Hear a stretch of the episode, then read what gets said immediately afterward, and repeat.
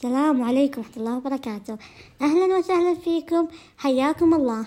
أنتم الآن بسلسلة بوستكات سمهري. حلوني قبل لا أبدأ. أعرفكم على نفسي. معكم سماهر طلال السمار. من ذوي الإعاقة إعاقة حركية من الولادة. طبعا كل اللي يعرف سماهر يعرف شعاري الأول والأخير. كرسي هو صديقي الأول والأخير.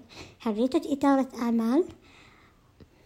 موظفة في أحد الشركات مدربة محلية ودولية كتمت أول دورة تدريبية لم تقام بالتربية الخاصة. كانت بعنوان كيفية تقبل الإعاقة؟ والحمد لله نالت نجاح وعدت نصح.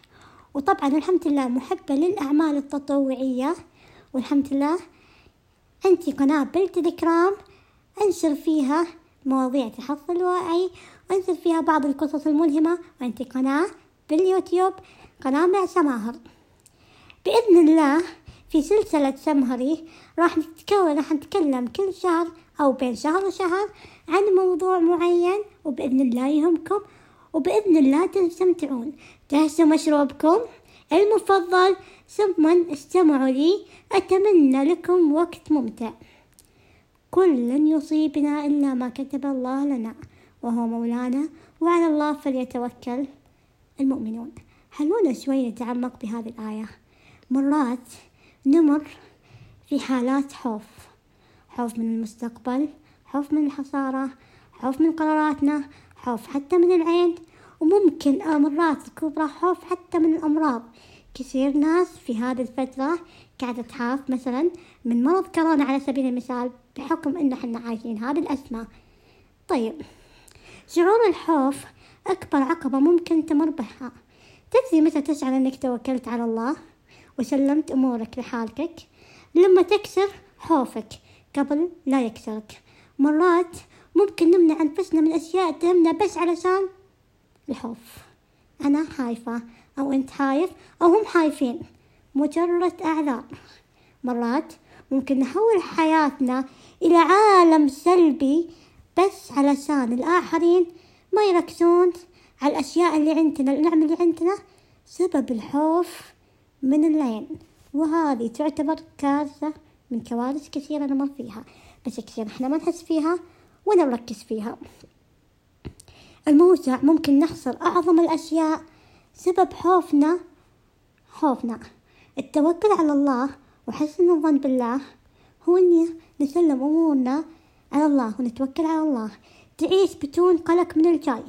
تتحرر من مخاوفك مارس حياتك وكأنك تمتلك كل شيء حتى لو ما كنت تمتلك ولا شيء. أنت هنا وصلت الحالة أنا محسن بالله. من هنا أقول لك أنت عم تعيش أجمل إحساس. إي نعم أجمل إحساس. لما تسلم أمورك لما تترك الخوف لما تتعلم على مخاوفك لما تعيش بأحلى حال. لما حتى لما تظهر الأشياء اللي حولك والنعم اللي حولك للناس ما يكون هذا سبب لك قلق أو خوف من العين أو خوف من أمور كثيرة. الخوف من أهم أهم الأشياء المدمرة نفسيا اللي كثير حولنا ما نركز عليها. نعتبر خوفنا أمر طبيعي لكن الأمانة خوفنا مو أمر طبيعي. لما تحس لما تحسن الظن بالله وأنت متوكل عليه وكلك يقين بأن أمورك تتحسن ودعواتك وأمنياتك ما تكون هباء منثورا بتحصل على أمنيتك؟ وإذا ما حصلت عليها تأكد. بالأمر حيرة. كثير نسمع كلمة حيرة. بس للأسف الشديد كثير ما نعيش معها ولا حتى نعرف نتعايش معها ولا نتعامل معها. نكون بس مجرد مستمعين لهذه الكلمة ولا نعرف نطبقها. هل أنتم معي بهذه الحالة؟ لعل الأمور اللي تمر فيها تكون بوجهة نظرك. ضيقة. هي تكون أكبر وسيلة لتقربك إلى الله. هل فكرتم معي كذا؟ هل في ناس تفكر كذا؟ المصائب والحيبات والآمال والحصاير اللي أنت مريت فيها. راح أقول لك صدمة ممكن أنت الآن تنصدم معاي. هي سبب وصولك لطريقك الأساسي. اللي كل اللي ما تتوقع أن توصل له.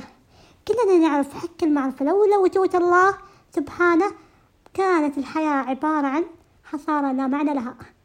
أكيد راح تحس في داخلك بسعادة كبيرة وبراحة وبرضا عن نفسك وبتطور حتى ذاتي.